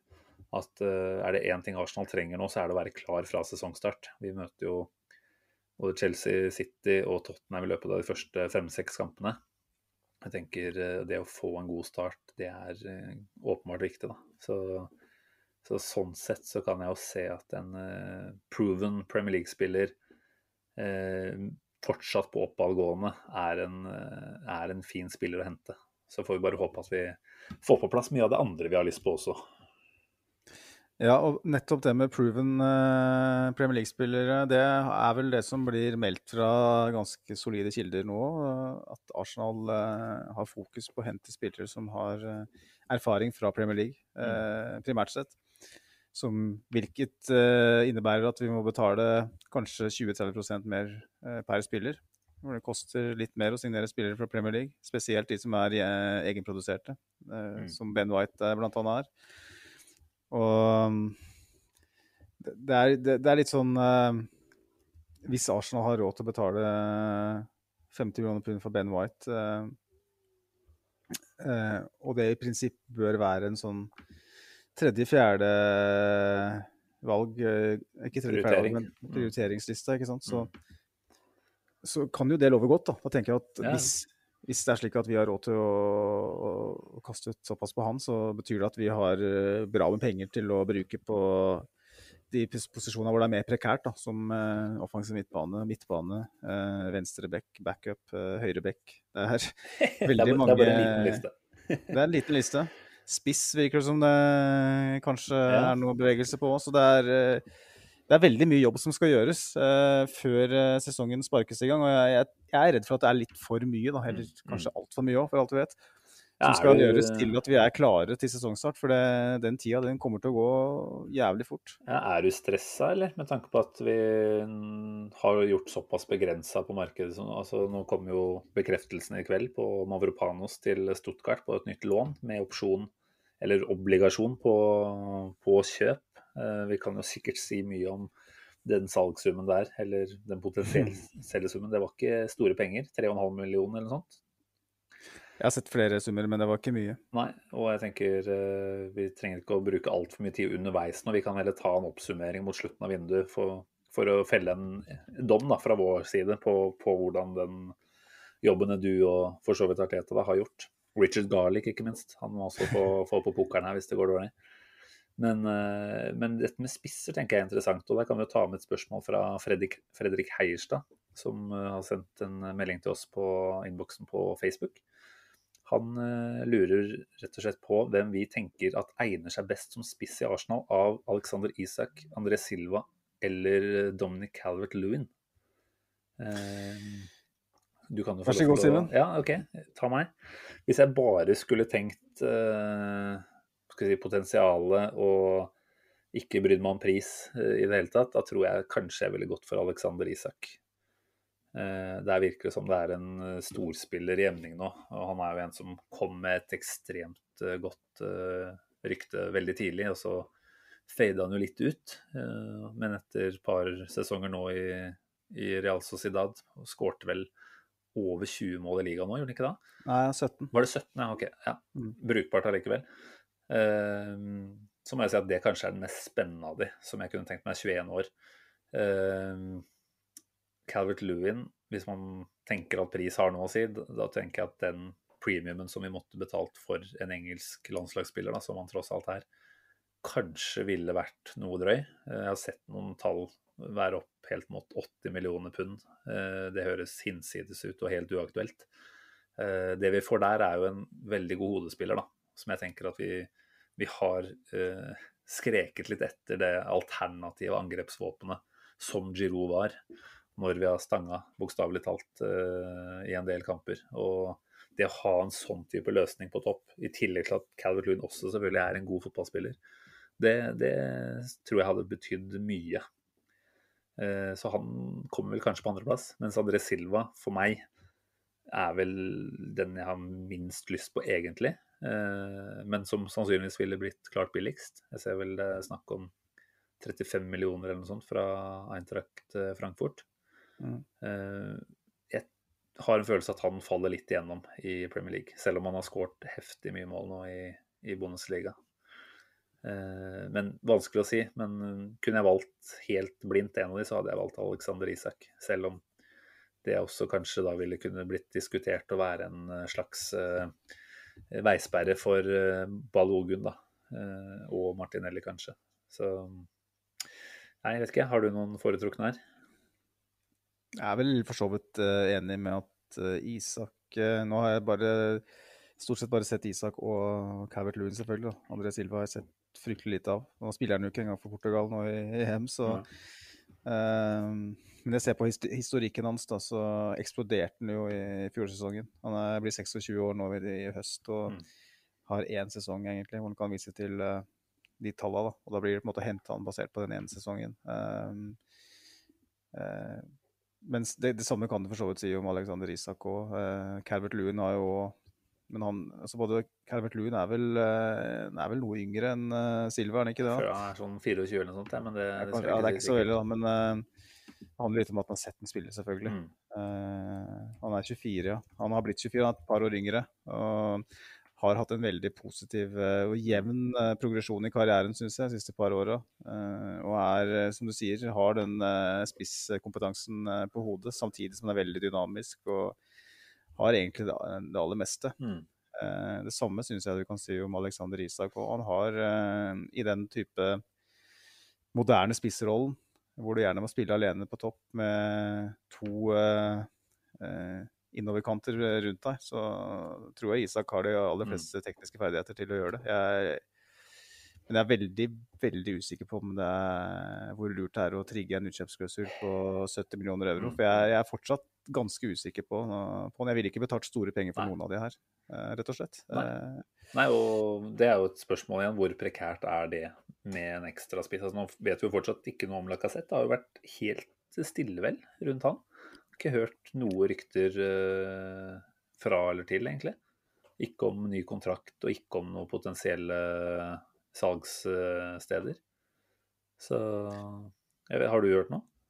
Nei, eh, det har vært stille lenge nå. og det har jo vært snakk om Lyon, eh, at han kanskje skal brukes som eh, en eventuell eh, Avar eh, deal sweetener, da. Men ja, jeg vet ikke. Eh, jeg, ser, jeg tror fort han er her når, vi, mm. når det vinduet stenger, og at vi har de samme alternativene på, på spiseplass. Klart uh, Det er jo ikke helt bra med tanke på kontrakten hans, men han har en bra lønn, og han har vel ikke prestert på et nivå som gjør at, at større klubber er interessert i å hente den og betale den samme lønna eller mer. Så det er igjen en spiller vi sannsynligvis kanskje må akseptere at er her. Og det er kanskje ikke den største tragedien i verden. Uh, han har en del ferdigheter som vi nyter godt av. Mm. Uh, og får vi, får vi i gang Aubameyang igjen, så tenker jeg at da har vi to gode spisser. Det Arsenal må slutte helt med, er å bruke dem samtidig. Enig. Uh, det er enten, enten, eller, rett og slett. Spesielt ettersom PP skal spille. og Da, da, da holder det med Auba eller Laka. Og da, hvis, hvis Laka blir, da kjøper de ikke noe spiss. Det vil være galskap. Nei, det er, enig. det er helt enig. Tenker det, Og det å skulle trykke Aubameyang ut på en venstrekant i en 4-2-3-1, det har vel også kanskje nå sett at det ikke er veien å, å gå. Eh, så, så, jeg håper jo virkelig, som du sier, at det blir en ren rullering i så fall mellom de. Og så får vi eventuelt se da om Balogun ikke i så fall vil få såpass med tid, eh, med tanke på at vi er er i såpass få turneringer at, eh, at, det blir et utlån på han, kanskje. Som jo kunne vært en ålreit måte å gjøre det på. Ja, det er, hvis Lacassette blir, og Aubameyang blir òg, det er vel store sjanser for at sistnevnte blir, i hvert fall. Og da, hvor mye spilletid blir det på Balogun da? da? Det er jo ligacupen, da. Mm. Og kanskje litt FA-cup i januar og februar. Um, inntil det spisser seg til der òg. Så Martinelli, hvis han skal være et alternativ på topp mm. uh, så hvis Arsenal uh, sprenger banken for en spiss, Nei. da må, det være, da må det være noen på vei ut. Ja. Gjerne kanskje to. Det, det, er jo Det hviskes og tiskes litt om at Aubameyang er til salgs. Mm. Det er bare spørsmål igjen om, mm. om det er noen som kan ta den lønna hans. Aubameyang slår meg ikke som en fyr som er komfortabel med å sitte på benken, for å si det sånn. Da. Så hvis det kommer inn en ny spiss, så uh, ja, jeg vet ikke om hvor, hvor tøff Arsenal er sånn sett. Jeg tenker at vet du hva, vi skal, eh, nå dine dager er forbi. Vi henter inn en, en annen type som skal spille. Du kan godt være her, men du får ikke spille. Eh, du, du blir, du blir et, et backup-valg. Eh, Tror du Aubameyangs dager er forbi? Jeg tenker jo at det var så mye spesielt som måtte tas med i beregninga her i forrige sesong, at jeg har veldig lyst til å se han i et mer velfungerende lag med et uh, litt bedre servering enn han fikk nå, da. Og se om han har 20-25 ligamål i seg fortsatt. Jeg, jeg, har en følelse av det, altså. Med en god oppkjøring. og Vi ser at han allerede er i gang med litt oppkjøring. Spiller mye gatefotball og sånt med kamerater rundt omkring hvor han er. Så mm. får vi håpe at uh, han kommer tilbake, får en problemfri preseason og sesong. Så, så tenker jeg at han med et godt lag uh, bak seg vil kunne omtrent være der vi kjenner han, altså. Mm, jeg er enig. Ja. Uh, Nei, vi ser jo Harry, Harry, Kane for England, og han ser ut som en ku i bløtmyr, egentlig. Uh, fordi at uh, det blir ikke spilt på hans premisser. Eh, Laget fremstår ikke på den måten som han som trenger for at han skal skinne. og det, Arsenal var jo bortimot dysfunksjonell offensivt i lange perioder i fjor Arsenal i vår eh, tid som supporter har ikke Arsenal vært i nærheten av å være så håpløse offensivt som det vi var, spesielt i Nei. høsten i fjor. Da var det Altså, vi hadde nedrykksform offensivt. Uh, rett og slett, når du så på mm. alle tall, viser at Arsenal uh, Hadde vi ikke hatt et godt forsvar da, så hadde vi tapt enda flere kamper. Og legge skylden på en uh, hva skal jeg si, ja, en så rendyrka avslutter som det Aubameyang er. Han er jo rett og slett Det er det han er. Han er en, en, en rev i boksen. Han har bra fart og alt sånt, men hvis du ikke, hvis du ikke skaper målsjanser for Aubameyang, og så går du og skylder på han etterpå, mm da har du misforstått noe. Og det folk reagerte på, var jo mer den Hva skal jeg si? Ja, litt sånn som de gjorde med Øsil. Det var liksom den der kropps, eh, det kroppsspråket som var eh, litt negativt. Og han litt, var litt luterygga og lunta litt rundt og så videre. Og så var det noen ting som skjedde litt på utafor banen som fikk litt fokus. Og som du sier, jeg tenker at uh, Kanskje vi skal gå litt uh, hardt ut her og si at kanskje blir Aubameyang uh, årets overraskelse. årets toppskårer? Toppskårer vet ikke hva jeg vil si, men i Arsenal definitivt. Ja, ja, det må sånn, vi jo satse på. Kanskje den, den, den, som overrasker oss aller mest. Da. For det, mm. mm. nå er det mange som allerede har konkludert med at Aubameyang er over. over det topp. Da. Ja, ja. ja, det, jo, det er ingenting som hadde vært gledeligere enn det. Altså. Det er jo lite som gjør en så glad når Aubameyang er glad. Altså, det er jo kanskje det òg. Han, han, har så mye humør i seg at når det funker, så er det bare så ekstremt ålreit. Mens når det da har gått trått, så, så, er han jo rett og slett ikke helt uh, god på å håndtere det. Uh, og der kan vi jo ta kapteinsdiskusjon og sånt igjen, men det, det tror jeg ikke vi gidder å bruke tid på i dag. Nei. Uh, mens vi driver og kommer med sånne spillerdilemmaer, så kan vi ta med Andreas fra, fra Arctic Junior Pod sitt også. Eh, han spør rett og slett hvis dere fikk velge Ødegård, Grealish eller Madison. Vær så god. Da tenker vi ikke på pris, og nå ser vi vel at Ødegård ikke er eh, aktuelt, men vi kan jo leke litt med det allikevel, da. Jeg ville nok gått for Jack Grealish mm. Eh, da, hvis jeg hadde fått uh fått det valget. Samme. Men alle tre, ja takk, egentlig. Eh, alle tre kunne tilført oss eh, veldig mye. Eh, det er jo så... definitivt Madison som ser ut til å være den klart mest aktuelle nå, da. Altså, det har vært en del prat siste dagene. Grealish tenker jeg vel er utenfor vår rekkevidde, rett og slett. Ja. Dessverre. City virker vel å kunne finne på noe der. Kanskje Chelsea også har vært snakk om, selv om jeg sliter litt med å se at de skal trenge å bruke penger på han, egentlig. Men uh, Madison, da. Altså 60 millioner som det snakkes om. Da får jeg igjen den der at dette er litt i overkant. Uh, og hvorfor vil eller hvorfor vil eh, Leicester tillate uh, Madison går? Jeg, har han egentlig spilt så mye. Han hadde vel en lengre periode hvor han var ute. Så jeg lurer på om han har en del skadeproblematikk som gjør at uh, Leicester er mer villig til å selge han pga. det, da. Ja, og så var det snakk om at uh, han og Brendan Rogers uh, ja. var litt på kant med hverandre. Godt tegn, så... tenker jeg da, hvis du er på kant med Brennan Rogers. Jeg tror uh, Madison har jo veldig personlighet. Måten han, er, virker veldig sånn uh, outspoken, som du sier i England. Han, han lar seg intervjue på et vis som ikke ser om nesten noen andre spillere gjør. og er nok, en, er nok en type. og jeg, jeg, tror jo ikke det er negativt for Arsenal. Jeg tror vi trenger litt typer inn i laget. Mm. det var vel Bernt Leno som sa det at Arsenal vi er altfor snille. Uh, og Bernt Leno er jo litt for snill sjøl, egentlig. Han er jo akkurat det samme hullet.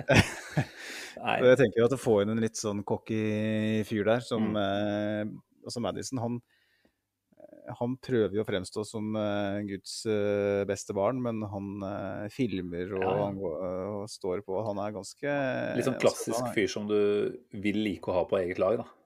Nettopp, nettopp. Så jeg jeg er ikke negativ til det, men jeg tror ikke 60 millioner pund holder. Det, altså. det var jo snakk om at uh, det var for lite i fjor sommer. Uh, nå har det gått et år, selvfølgelig, og det kan ha skjedd ting i kulissene. Men uh, det, mm. det snakkes om at, eh, at vi kanskje må opp i Maguire-summer, og da tenker jeg at da er det bare å Ja, det- gi faen. Det er for mye. Eh, Eller ja, er det det? Spørsmålet er jo hva er alternativet, da? Vi må jo må, jeg føler at vi må Nei, jeg- ha inn et eller annet der, da. Eh, Når Ødegaard da ikke er eh, aktuell. altså Vi må få inn et eller annet der. Og da er det noe med at hvis Madison på en måte er det åpenbare eh, førstevalget, ut ifra det som er mulig å få til, da er det kanskje bedre å slenge 20 millioner pund ekstra på bordet for han, da, kontra å hente en som du er litt sånn halvfornøyd med. Eh, Hva tenker du, Simen? Altså, jeg vet ikke nok om hvilke alternativer som er der. Altså, Awar, da, som det har vært snakk om, han blir vel kanskje ikke sagt av hvert fall Paul Thomas Clay, da, som har sett mye, eh, å være den rene tieren som vi på en måte kunne satt vår lit til i, i rommet bak spissen. Og jeg vet ikke hvor mange gode alternativer det fins, for å være helt ærlig. Eh, Det er du som er scouten her, ikke jeg. Så, så jeg tenker at uh, Madison er jo absolutt en Altså, for meg så er han en åtte av ti-signering, da. Eh, føler kanskje ikke at han er helt, helt der oppe. Noe han kanskje mulig fortsatt har mulighet til å Han kan ta det ekstra steget ved å ta enda et karrieresteg, da. Eh, 24 år gammel. Fyller 25 i november, så det er jo liksom rom for å få enda et eh, hakk ut av han. Eh, jeg er ikke solgt i det caset her, altså jeg er ikke det. Men, eh, men hvis vi på en måte sitter igjen med han eller ingen, da, da er det jo ikke noe tvil. Da syns jeg vi skal vurdere å sprenge litt bank, kanskje. Eh, Så er det for så vidt også en diskusjon på hvor mye bedre kan vi forvente at eh, Smith-Roe, eh, Saka, Martinelli blir neste sesong. Vil en Madison som da helt sikkert kommer til å stå på startelveren. Han presser jo sannsynligvis da Smith-Rowe ut til venstre. Eh, mens ja, han tar jo en plass, da, rett og slett. Eh, jeg tror ikke vi skal være for bekymra for det, fordi vi trenger en viss bredde der. Eh, og vi trenger kanskje også at Smith-Rowe ikke har det ansvaret på egne skuldre. Men, men jeg er jo også liksom litt der at jeg tror vi kan få enda et hakk fra Smith-Rowe neste sesong. Da. Og Ja. Ja, nei, jeg, vet ikke. Jeg syns det er vanskelig å si hvor mye penger igjen. Altså, er det fritt fram? Kan vi bruke usannsynlig mye penger den sommeren her, fordi det er et eller annet som gjør at Cronky har eh, ja, tilgjengeliggjort eh, 300 millioner pund. Da. da driter jeg om vi bruker 60 eller 90, på en måte. Men hva annet kunne du fått for 90? Det er sikkert Det er, eh, det er det som er litt sånn uh, greia her. ikke sant? Det er litt sånn med Ben White òg. Når du først bruker 50 kroner pund, så begynner du å se litt rundt her. Hva, hva kan vi få for, det, for den summen? Mm. Og uh, når det er sagt, da Hvis Premier League-proven er, uh, er mantra til, uh, til Ariteta og Edu i sommer, så er det kanskje ingen bedre enn Madison. Uh, Madison er uh, eh, Altså, ser du på tallene, så er det vel kun Kevin De Bruyne som har skapt flere målsjanser enn han i Premier League etter at Mm. eller siste to-tre sesonger var der. Uh, han presterer uh, Han har hatt en liten dupp periodevis uh, denne sesongen her, men han presterer jo på en måte på et visst nivå hele veien. da. Han, er, han har vist at han, han tar nivået. Han spiller for et, en klubb som ligger i det samme sjiktet som oss. Mm. Uh, og hvis, du, hvis det på en måte er eh, forutsetningen, at det skal være en som har bevist om Premier League, så er en 24 år gammel offensiv midtbanespiller som Mm. har på en måte tatt steg etter steg, eh, så, så er det få som, som er i nærheten av Madison. Da Mm. er det eventuelt han i Aston Villa, da, selv om de ikke er samme type spiller. Så det er liksom ikke som Det er ikke så mange alternativer, og da, da gir det på en måte mening, da. Eh, men jeg, ja, jeg, jeg er usikker på om hvor lett, lett, er få, lett det er å få gjennomført en sånn deal. Eh, Jeg tror Leicester eh, kommer til å sette seg kraftig på bakbeina. Og Ja, Hvis de ikke gjør det, så ville jeg blitt litt sånn Hvorfor er dere ikke mer på bakbeina? Ville Ja. blitt litt skeptisk da òg. Men jeg, jeg ser jo på tallene hans at han hadde jo 31 opptredener i Premier League forrige sesong. Eh, Så det er jo ikke sånn at han mista massevis av kamper. Hadde åtte, åtte mål og syv assist på de kampene, så det er jo solide tall også, også der, da, i tillegg til sjanseskaping, som du sier. Så Ja. nei, det er jo ikke noe tvil om at vi trenger noe der. Ødegaard bekrefta vel til TV 2 i går at han skal tilbake til Madrid. Selv om jeg kanskje opplevde det mer som en litt mer sånn generell uttalelse om at jeg drar tilbake, og så sa han ikke noe mer enn det, men jeg tror fortsatt det er et element av vi får se hva som skjer. Eh, det var jo ingen i, i desember eh, som trodde at eh, han kunne komme til Arsenal. Så mye kan fortsatt utvikle seg når han snakker litt med trener og får noen feelinger der, tenker jeg da. Ja, hva skal han si, da? Nei, jeg vet ikke helt. Jeg, kanskje, kanskje jeg stikker til sommeren, liksom. Kanskje jeg stikker til høsten. Kanskje Jeg er ikke så keen på å spille under Angelotte i Real Madrid. Altså, han sier jo det som alle andre ville sagt i en mm. sånn mm. situasjon. Så at, at, det på en måte ble en slags eh, breaking news om at Ødegaard blir Real Madrid, det forstår jeg ikke helt. Nei. Da er jeg mer på linje med Petter Wæland, som skrev litt om det på Twitter, at, at det kanskje er enda viktigere det som har blitt skrevet i i pressen mm. av de mest pålitelige journalistene i Spania. Da, at eh, Real Madrid har en veldig klar intensjon om å, om å, å bruke Ødegaard nå til høsten.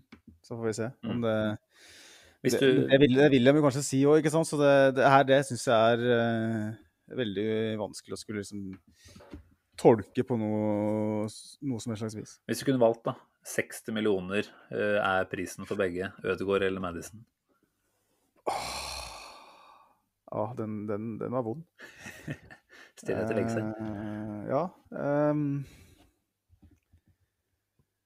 uh, nei, jeg tror kanskje det er godt for Madison, jeg, altså. Mm. Rett og slett fordi at uh, han fremstår som mer en personlighet vi trenger enn en Ødegaard, som, som, jeg liker veldig godt, men som kanskje er litt enda en snill gutt til, da. Mm. Uh, hva tenker du? Du må, må svare på det, du òg. uh, ja. Eh, altså jeg ble litt overraska over tallene til eh, Mensen, som jeg så nå. Eh, jeg trodde ikke de var helt der, faktisk. Og Ødegaard hadde vel to skåringer, to målgivende. Eh, bidro veldig mye utover det selvfølgelig òg, men eh, Nei, så hvis det er sånn at prisen hadde vært den samme, da ville jeg nok faktisk gått for Madison, jeg også. Eh, han er vel Arsenal-fan i bunn òg, eh, eller har i hvert fall vært relativt positiv i noen kommentarer på Twitter. han er Øsil Det er det han er, ja. ja ikke sant. Så da ville i hvert fall du ønske han. Så ja, nei, men poenget er vel kanskje som du er inne på, at Madison vil bli dyrere. Og da, da må man jo ta med det, i betraktningen også. Vi får se hva som skjer. Det er jo fortsatt noen spørsmål vi ikke har svart på her. Stian Børling stiller jo spørsmålet enkelt og greit. Overganger? spørsmålstegn. Det er viktigere å, eller Han spør videre viktigere å ordne opp i apparatet rundt laget eller laget på banen. Han nevner jo da den brasilianske fysioen som slutta. Steve Bald eh, var jo ferdig her om dagen. Eh, lurer på hva er veien videre for Arsenal. Hva tenker du der? Eh, fokuset nå som det er silly season er jo åpenbart først og fremst på spillemateriellet. Men, eh, men er det sånn at det, man burde være litt bekymra for at uh, eh, f.eks. han eh, Bruno Gimaresh Nei, det var kanskje en annen. Nei, det er han det er fotballspilleren. Det er spilleren, det. Men Bruno het, Masiotti, er det ikke den sånn? Det, Masiotti var det, takk. Mm. eh, han var jo bare et halvår i klubben. Eh, Steve Wall er jo noe helt annet, og kanskje var vel på tide. Eh, Tenker du at apparatet er, eh, har såpass store mangler at det er der man burde ha et eh, større fokus, kanskje? Eh, jeg tenker jo kanskje at det er enda viktigere det apparatet som handler litt mindre om det på, på treningsfeltet, men litt mer om det overordna. Mm. Kanskje burde vi hatt en annen Fire du som teknisk direktør. Kanskje burde du hatt en tydeligere stemme i, over Ariteta eh, med mer erfaring. Men det er på en måte en annen, annen debatt. Da. Det, Ariteta har, har jo henta inn et par eh, skal si, litt yngre eh, personligheter der. Eh, mm. blant annet han Setpiece, eh, dødballcoachen fra Bredford, som vel var det Dobbs han het? Ja, stemmer. Georgsson. Stemmer, ja. 38 år eller noe sånt. Ja. Var det, enda, det var en til òg som var veldig ung. Uh, Steve Bold ut. Um, kunne jo for så vidt ha hylla litt ordentlig her. Det er jo en legende, må vi egentlig bare ta med der. Han har vel vært i klubben i totalt 33 år, faktisk. Føler at han får en avskjed nå i en litt trist fasong, eh, som er litt uh, uverdig, kanskje, med tanke på at han ble satt til å gjøre en ganske kjip jobb med det U23-laget, som ble et ordentlig lappeteppemannskap, hvor bl.a. Eh, George Lewis da, fra Tromsø Nei, jo, Tromsø sitt andre lag. Nei, Fram Larvik kom han fra. Eh, ikke sant? Det var jo sammensatt av eh, litt av hvert, kan vi vel si, i fjor. Og fikk jo relativt begredelige resultater. Så jeg må jo si at det, det var kanskje en litt ugrei ende på en lang og fin nasjonal karriere totalt sett. Ja, det, det kan du godt si, da. Uh, men um, samtidig så, så, tenker jeg jo at det å, å fornye seg eh, for Arsenal er, er viktig altså, uavhengig av hvor mye Steve Bowler har betydd for Arsenal historisk sett, så kan det godt hende at han er en del av, av det, den gamle skolen som kanskje hadde blitt litt for komfortabel da, etter hvert, mm. og kanskje ikke hadde så veldig mye nytt å, å komme med. Så um, jeg tenker at jeg håper at klubben internt har, uh, har uh, gitt uh, Steve Bowl en, en, veldig god avskjed. Mm. Han får veldig, god, han får veldig mye honnør på sosiale medier av fansen. Ja. Og jeg vil tro at hvis han møter fans på, på gata eventuelt, eller hvor det måtte være, så vil, vil folk eh, takke han.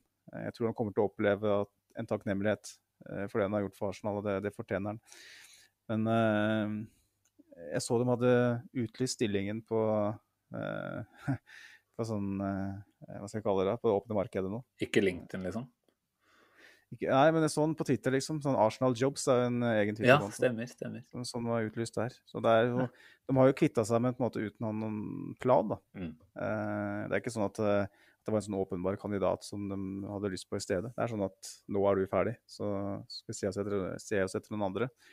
Det, det, det, taler et tydelig språk da, om at eh, nå, nå, er din eh, syklus ferdig i den klubben her. Nå mm. skal vi ha inn noen andre. og det, det er jo kan jo være et, et, et sunnhetstegn eh, på sett og vis. Mm. Så um, Får man se hva som dukker opp i hans sted, rett og slett.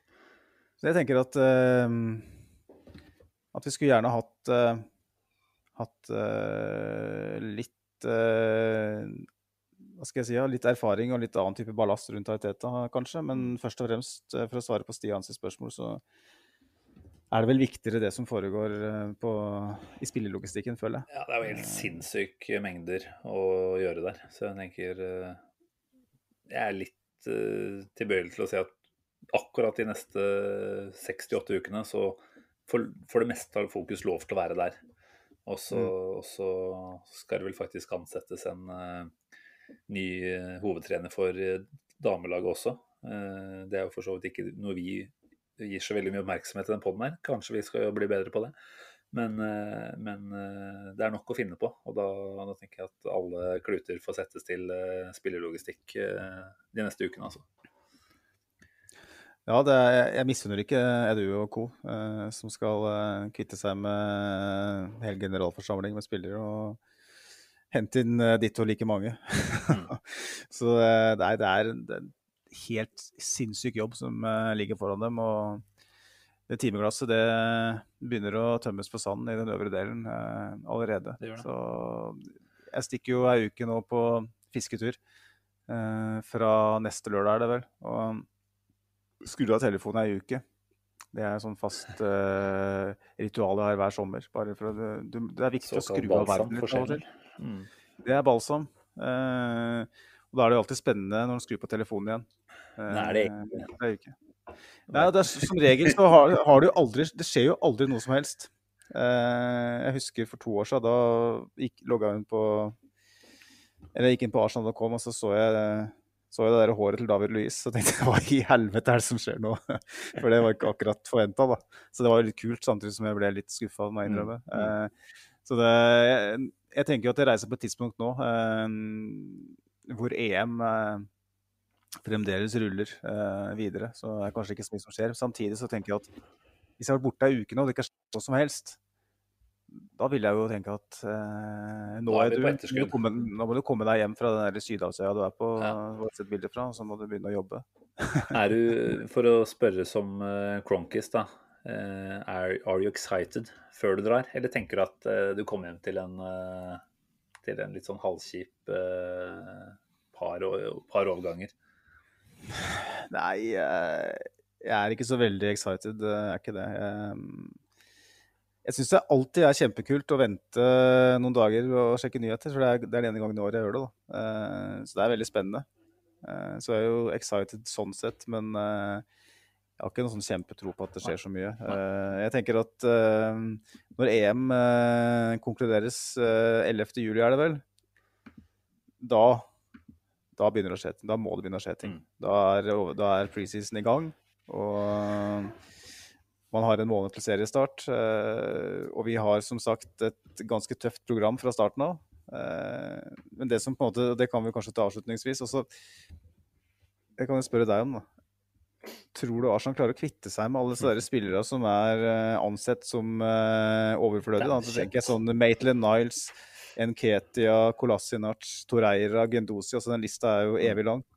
Ja, det er jo det er vanskelig å se for at alt kommer ut. Uh, jeg tenker, Får vi ikke de prisene vi mener at f.eks. Maitland Niles, Willoch, Nketia, kanskje Nelson Eh, bør ligge på, så ja, kan det bli eh, en slags EFL-opptreden eh, e på dem da, de neste månedene. Jeg vet ikke. Jeg tror ikke vi ender opp med å få ut alt, det tror jeg ikke. I hvert fall ikke på salg. Vi, vi gjetta jo litt forrige gang vi snakka om dette her, og jeg husker ikke helt hva jeg sa, men at vi totalt sett kanskje får ut en ti stykker, hvor en fem-seks av de er eh, permanente og eh, fire-fem på, på, lån. da. Ser mm. vi jo Mavropanos i dag går på lån. Burde jo egentlig vært muligheter for å selge han umiddelbart, eh, tenkte jeg. Med tanke på at han hadde såpass solid navn allerede i Stuttgart. Så jeg vet ikke om jeg skal lese for mye ut av det, men det gjør kanskje at jeg tenker at her kommer ting til å både drøye ut, at vi nærmer oss uh, overgangsslutt. Før uh, så får vi jo se, da. Altså er det sånn at en championship-klubb tenker at uh, Nketia er tilgjengelig for 10-15 millioner, og de trenger et, uh, en ålreit målskårer, så, så, bør jo han være en kandidat her. Nelson på en nedre halvdelklubb i Premier League burde kunne gjøre noe, selv om han kanskje også passer vel så godt ut på kontinentet et eller annet sted. Eh, les Bundesliga. Der har han vel vært eh, noe rykta tidligere nå, har han ikke det? Eh, jo. Men nei, jeg tror ikke alle kommer til å komme seg ut av klubben. Og en som Maitland Niles igjen. Altså, det er så utrolig morsomt i fotball, fordi det er tilfeldighetenes spill. Og ender vi opp med å ikke hente igjen en høyreback, har Chambers Cedric tilgjengelig, så så vi alle at Cedric ikke var eh, å foretrekke mot slutten av sesongen sitter vi i en, posisjon, en situasjon da, hvor Chambers er eh, skada på et eller annet tidspunkt tidlig i sesongen. Maitland Niles er tilgjengelig. Plutselig så aksepterer han at OK, det er det her jeg hører hjemme, kanskje. da. Og har noen ekstreme opptredener der. Så, så ser jo helt, hele situasjonen annerledes ut plutselig. Det er altfor mye tilfeldigheter til at vi egentlig kan ta på oss den der rollen som spåmenn, føler jeg. Men uh, jeg må jo si, si en ting da, som er kanskje minst en, eh, en liten bekymring uh, med Arsenal-øyne. Nå er, Arsenal har jo fremstått som kanskje litt soft da, uh, på overgangsmarkedet. Vi har endt opp med å nærmest gi bort og betale ut spillerkontrakter. Solgt spillere til kanskje litt si, litt lav pris ut ifra hva vi forventer. Uh, og så ser du at de der overgangssagaene drar ut og drar ut og mm. drar ut. Jeg tenker Hva slags renommé vi har da, når, når en, en, kjøpende klubb setter seg, ned, setter seg rundt forhandlingsbordet med Arsenal, tenker de at her kan vi sitte en måned. For at du vet at vi kommer til å få, få henta den spilleren her for en lavere sum. ikke sant? Mm. Så det, er ikke snakk om at vi er et, et Liverpool da, som Jeg vet ikke hvor, hva slags nakenbilder de sitter på, men de får jo igjen fem ganger for mye for hver eneste spiller de selger, virker det som. Sånn. Uh, du ser måten uh, en del sånn som Tottenham Leicester f.eks. Måten de uh, klarer å mm. dra ut maks fra spillersalgene sine. jeg vet ikke om jeg skal skryte av Tottenham sånn sett, men du vet jo at Daniel Levy er ganske hard når han forhandler. på godt og vondt for Tottenham sin del. mens jeg føler liksom at, at Arsenal fort kan bli sett på som, som et lett bytte. da. Mm jeg håper, Nå ser jeg jo at den Gendosi og Sjaka Sjaka er mer naturlig, han er jo i EM. Men den Gendosi-greia den drar ut og drar ut og drar ut. Og Det tenker jeg kanskje er et greit tegn, egentlig. Altså Fra å da kun ha eh, i hvert fall tilsynelatende Marseille som interessant, så har du nå Dortmund og Benfica i tillegg. Eh, Ja. Hvis det er sånn at Marseille ikke kunne by mer enn 8 millioner pund, det var uaktuelt, så får et par til som kaster seg på, så plutselig er du i hvert fall på et sted mellom 12 og 15. da. Det er jo OK, det er ikke de store pengene, men det er i hvert fall noe med å faktisk gjøre den eh, jobben der da, fra Arsenal sin side. tenker jeg et godt tegn. Men Mavropanos igjen syns jeg kanskje er et litt uh, dårlig tegn. Uh, tenkte at det skulle være muligheter for å gjøre en bedre deal der. Ja, du tenker jo at hvis det hadde vært han Edwards i Liverpool som hadde sittet sammen med Mislintat og Stotkart der, så ville da vanka noen flere kroner. Men det er mulig at det blir å oversimplifisere det fra min side. Altså. Sannsynligvis så er, så er det jo det. Men å, jeg føler liksom at Arsenal, med unntak av den Iwobi og Chamberlain-deala, Mm. så, så så sitter vi som regel igjen med litt for lite når vi, når vi selger spillere. Og når du tenker på en Nketia Eh, nå har det ikke vært så veldig mye rykter om han så langt i sommer, da, men det er tidenes toppskårer i U21-sammenheng. Eh, hjemmeprodusert engelskmann eh, med eh, Hva skal jeg si, ja. En god CV, tross alt. Mm. Ung spiller. Masse framtid. Hvor mye hadde. Liverpool fått for han? da? Uh, Rian Brewster gikk for 24 millioner pund til eh, Sheffield United. Det er jo en gigantisk vits. Han skåra vel ikke engang, gjorde han hele sesongen. Nei, jeg tror ikke det. Eh, så, så I prinsippet da burde vi få 30 for en GTA, da. Ikke sant? Eh, Men vi kommer vet? sannsynligvis til å sitte igjen med 10, da. Mm. 10-12 kanskje. Og det irriterer meg, da. Eh, Men sånn er det bare, da. Men ah, vi, får, eh, vi får håpe at vi det, det er jo tilfeldigheter, ikke sant. Så det kan jo være at, som du sier, mot slutten av vinduet så er det en championship-klubb eller en, en klubb på nedre sjikt i Premier League som trenger en spiss, må ha en spiss. Så sitter vi med Ketia og bare sier at Kanskje med en ny kontrakt, for det har vært snakk om at, at vi kommer Mm. til å gi en ny kontrakt for å. Bevare verdien. Ja. Men det er klart, spørsmålet er om han har lyst til å signere, den, signere på den. Jeg tenker, som jeg sa i stad, vi får jo bare ha litt is i magen her og tenke at det er en del uker fram. Eh, Satse på at det jobbes godt i kulissene, og så får vi heller ta en ordentlig vurdering når det nærmer seg slutten og vi har, har det hele bildet. da. Jeg blir jo gal av å prate om dette her uh, uke etter uke, så det er godt det er ordentlig ferie nå. At vi kanskje ikke prates på et par. Eh, ta med det siste spørsmål da, på Twitter, som har kommet fra Håkon Førrisdal. Jeg regner med at det er et ganske kort svar på det, egentlig. Han spør eh, rett og slett om vi kan snakke litt om Kamavinga og fortelle hvordan det ser ut der. Eh, så vidt jeg kan ha fått med meg, så har det ikke vært noe nytt om Kamavinga de siste dagene. Jeg vet ikke om du har eh, god informasjon som tyder på noe annet der? Nei, det har vel ikke vært noe annet enn spekulasjoner på, på Twitter, egentlig. Eh, sånn veldig, veldig, veldig Skal jeg kalle det da eh, dårlige kilder. Mm. Det er to ting der jeg tenker at eh, Fabrizio Romano husker jeg jo skrev for noen uker tilbake når Bizoma-ryktene var enda mer eh, på enn det de er nå. Så skrev han at han er ikke Arsenals førstevalg, det jobbes med andre alternativer. Eh, så har jo Kamavinga vært rykta til PSG, men også det ryktet har jo også vært helt eh, stille og vekke nå en stund. Eh, så jeg, jeg tror igjen at det er dumt å få opp eh, noe særlig håp her. Men det går alltid an å drømme litt, da. Uten at jeg kan for mye om Kamavinga, så er jo det sannsynligvis et av de aller, aller største talentene i fotballverdenen nå. Og det hadde, vært, hadde jo vært ekstremt fett å få den, fått den til Arsenal. Men som nevnte Paul Thomas Clay da har sagt tidligere, så, så er nok han rett og slett litt for bra for der Arsenal er per i dag. Og det, det tror jeg kanskje vi også bare må innse. Det er jo kanskje verdt å nevne, da, når jeg tok et raskt eh, Twitter-søk her og eh, ble påminnet for så vidt jeg leste for noen dager siden, at eh, det er vel Le T-sport. Jeg klarer ikke den der, Det har vi hatt før oss, Simen. Den der Le T-sport var ti på, på. Dis var det vel vi fant ut at det var. Le D-sport, ja. Og Alexis Bernard, da, som òg eh, for så vidt har vært, eh, hatt sine treff når det gjelder Arsenal-overganger de siste åra. Eh, mener at for noen dager siden at Arsenal følger nøye med på situasjonen til Kamavinga, men det er jo Hva betyr det? hvem, hvem- gjør ikke det, ikke sant? Så det er en veldig enkel, eh, enkel nyhet å legge ut. Eh, vanskelig å tilbakevise. Mm. Men eh, jeg har lyst til å nevne en ting som jeg leste i stad. Ja. For de av eh, dere som følger med på Twitter, eh, og har støle, støle tomler eh, når vi nærmer oss overgangsvinner slutt hvert år. Jeg er en av dem. Eh, de, football Gerbil er tilbake. Jeg så Husker du skrev om det, men jeg må jo bare innrømme at der eh, har vel ikke jeg fulgt helt med i timen. Altså, Jeg har vel ikke vært den samme Twitter-fantasten som deg opp igjennom, så du får forklare hva, hvem det er for en. Det er eh, en som vel var eh, aktiv i 2019.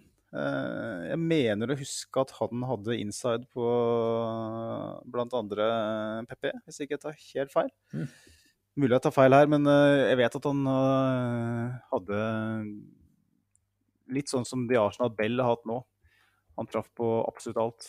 Eh, holdt på bare noen uker, og så ble det radio silence resten av vinduet. og ikke hørt fra han siden.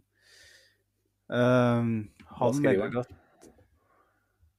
han melder at Arsenal er i dype samtaler angående en, eh, en, spiller, en midtbanespiller under 25 år som har Premier League-erfaring, som ikke har vært nevnt i det hele tatt i pressen.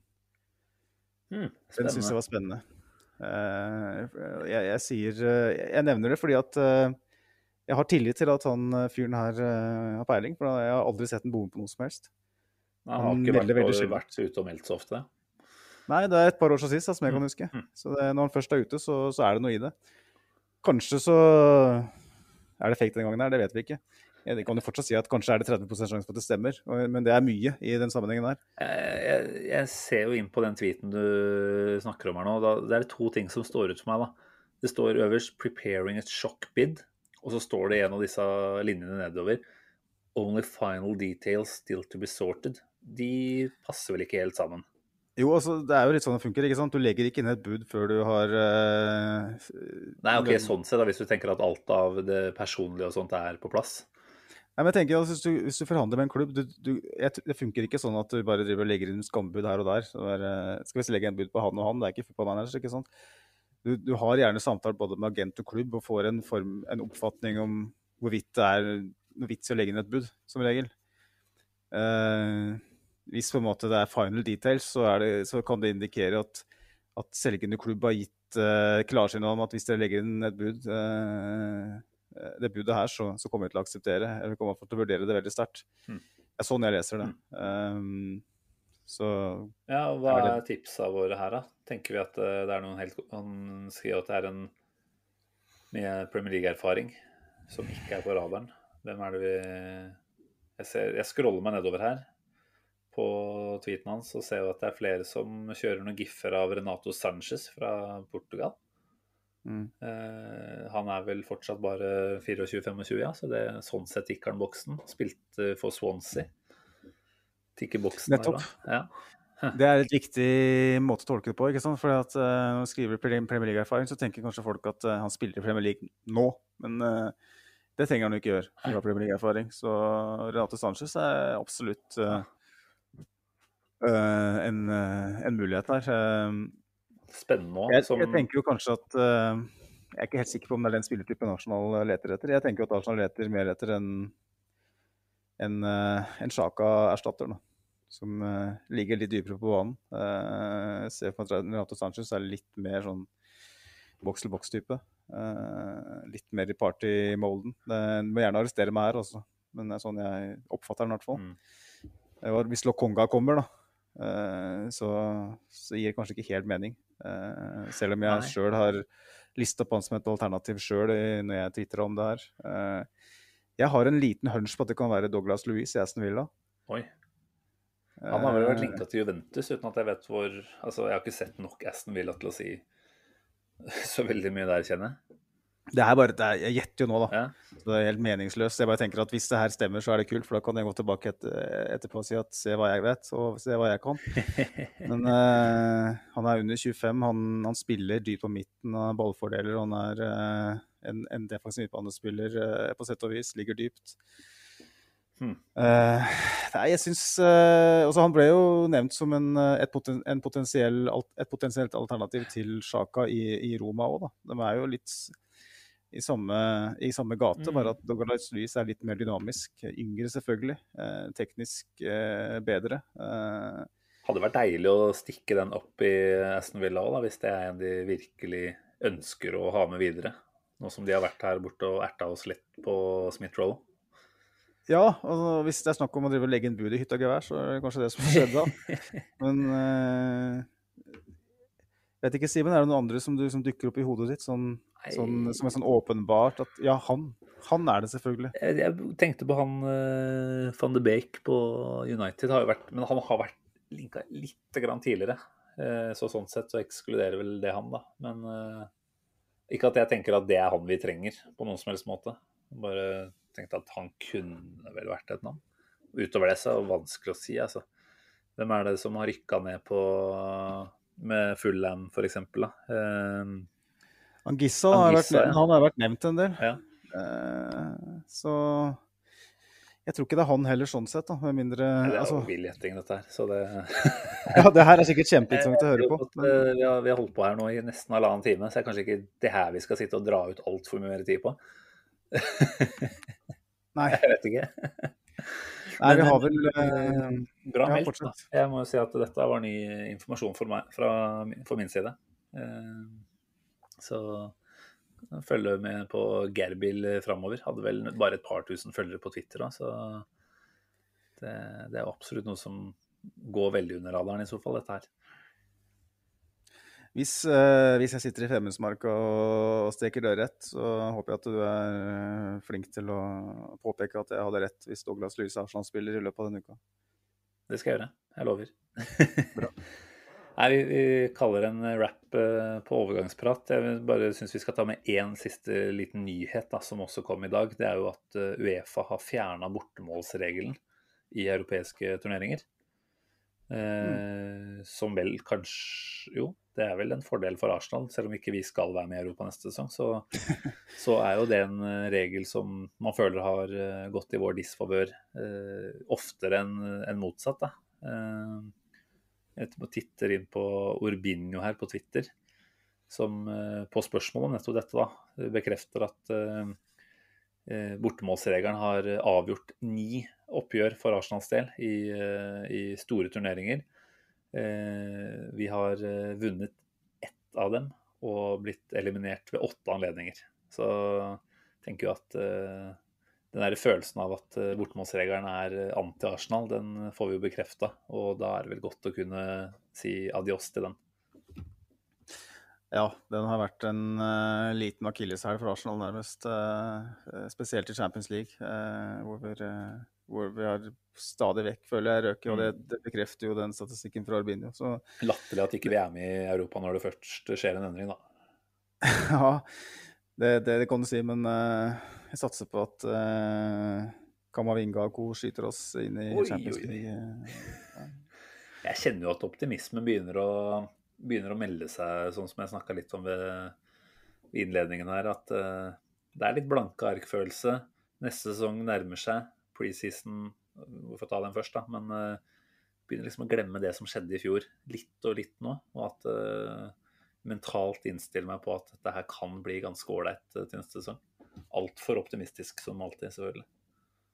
Ja, ehm, jeg hadde en liten dialog med han uh, Andreas på, fra Arctic Gunnerpod uh, tidligere i dag. Og han hadde lytta til en episode som, uh, fra dem da, hvor jeg var med. Eh, og da, da fikk han inntrykk av at vi hadde vært veldig positive. Eller altfor positive, som jeg skrev til da. At eh, når en hedmarking og en nordlending eh, fremstår som altfor positiv i etterkant, da er det noe som har gått ve veldig galt. Så vi, vi, får, vi får være litt grann nøkterne, tenker jeg da. Og tenke at eh, one step at a time. Uh, og ikke, ikke ta av, fordi nå har vi vært såpass mye og ofte skuffa at uh, det kan være en god generell leveregel å legge lista litt lavere. Helt sikkert. Det er vel uh, noe jeg skal ta med meg. Men uh, det som jeg ikke kommer til å ha lave forventninger til, det er X-spillerspalten. Der har jeg alltid skyhøye forventninger, og i dag så tenkte jeg kanskje at det er en liten Steve Bold-hyllest på trappene, men det kommer kanskje litt for tidlig. Ja, nei, jeg skal ikke avsløre noe som helst, jeg. Uff, Eh, Hvis jeg ødela eh, det for deg nå allerede, så beklager jeg det, altså. Du får, eh, får dra i gang så fort du er klar. Arsenals nye storstue var badet i sol, og på den røde løperen spankulerte den ene legenden større enn den andre. Fotballens svar på Gud skulle takkes av, samtidig som det skinnende milliardslottet offisielt skulle avdukes. Henri, Vieira, van Basten, Cruyff. Rollelista var grandios stjernespekket. Likevel var det et krøllete parentes som skulle stjele showet. En nederlandsk artist med raske briller og øyeakstrakt runda en utrustende David Seaman hadde kun et gapende nett i horisonten. Kun én mann kunne redde oss fra skrekkscenarioet. Kun én mann kunne avverge en Spurs-spiller og notere seg for scoring på dagen da Emirates Stadium ble innviet. I hæla på Edgar Davids halset dagens X-spiller etter. No attempt to play the ball. Har ikke hørt om det. Akkurat idet Davids skulle trekke av, forsvant trommestikken under ham. No goal. Med det mest fårete smilet siden greven sendte Sonja ut for å lete etter julestjernen, vandret Arsenals krølltopp rolig tilbake i retning midtbanesirkelen.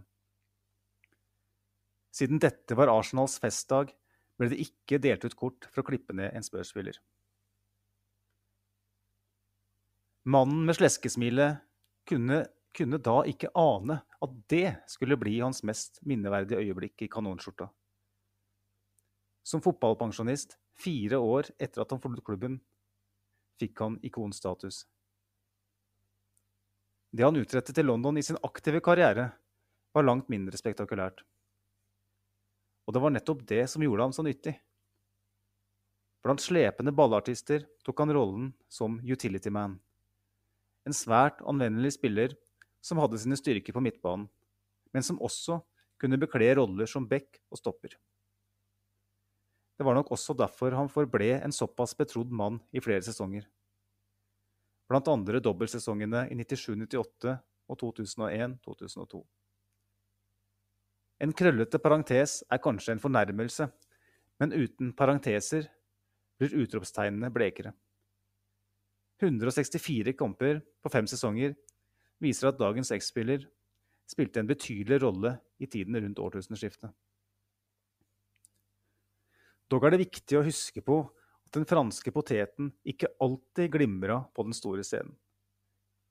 Som midtstopper hadde han ofte problemer, og hans innsats i tospann med Igor Stepanos i 1-6-tapet på Old Trafford i 2001 trenger vi vel ikke å utbrodere ytterligere. Til tross for upåklagelig innsats kunne man i enkeltkamper se hvorfor han ikke var en selvskreven mann i førsteelveren.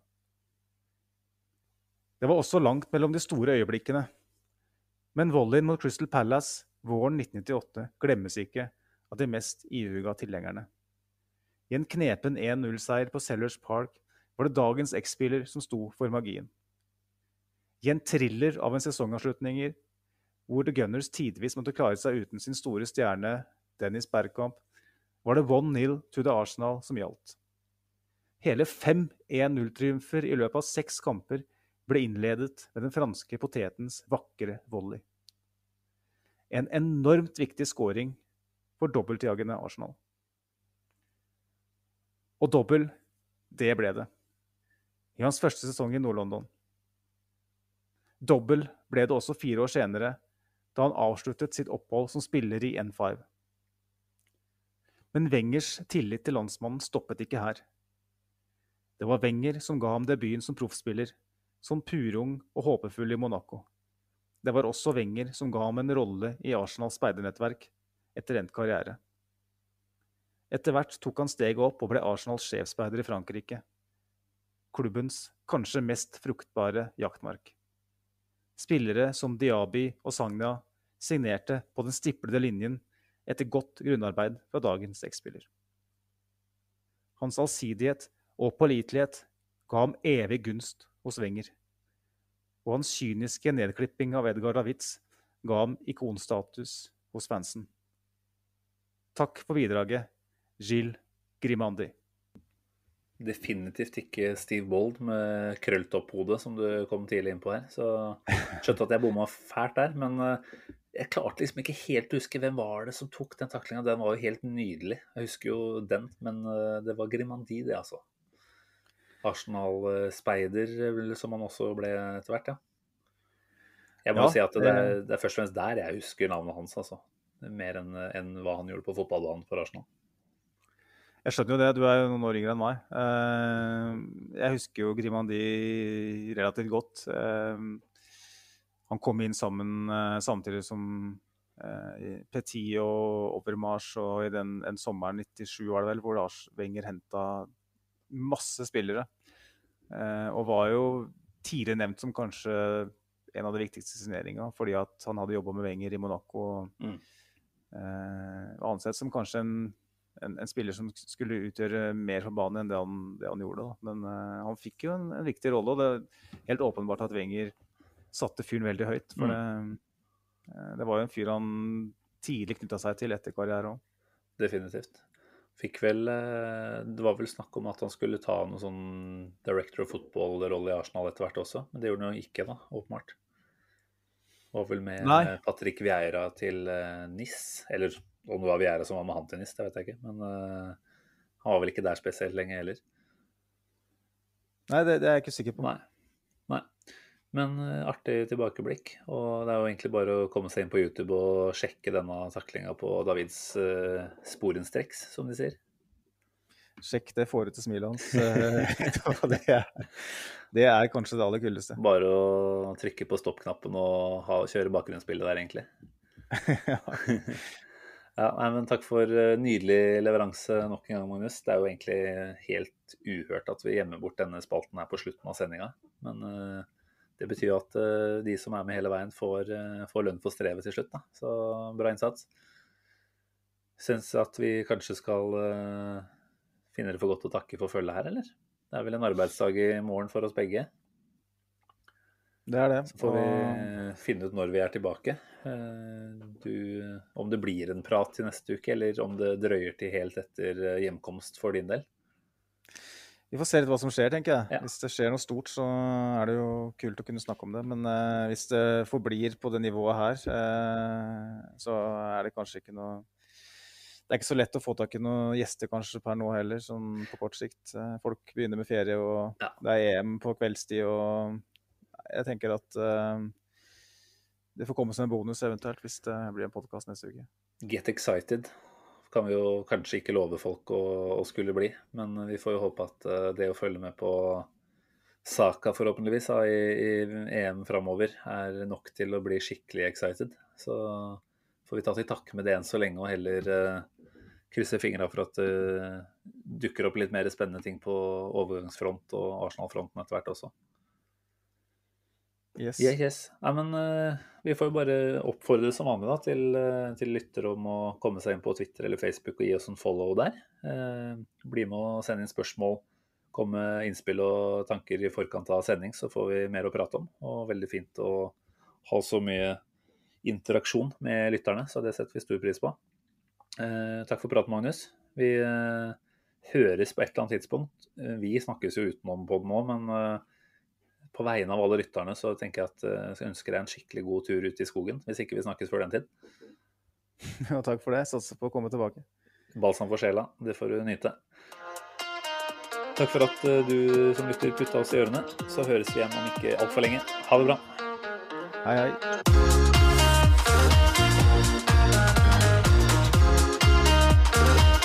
This train terminates here.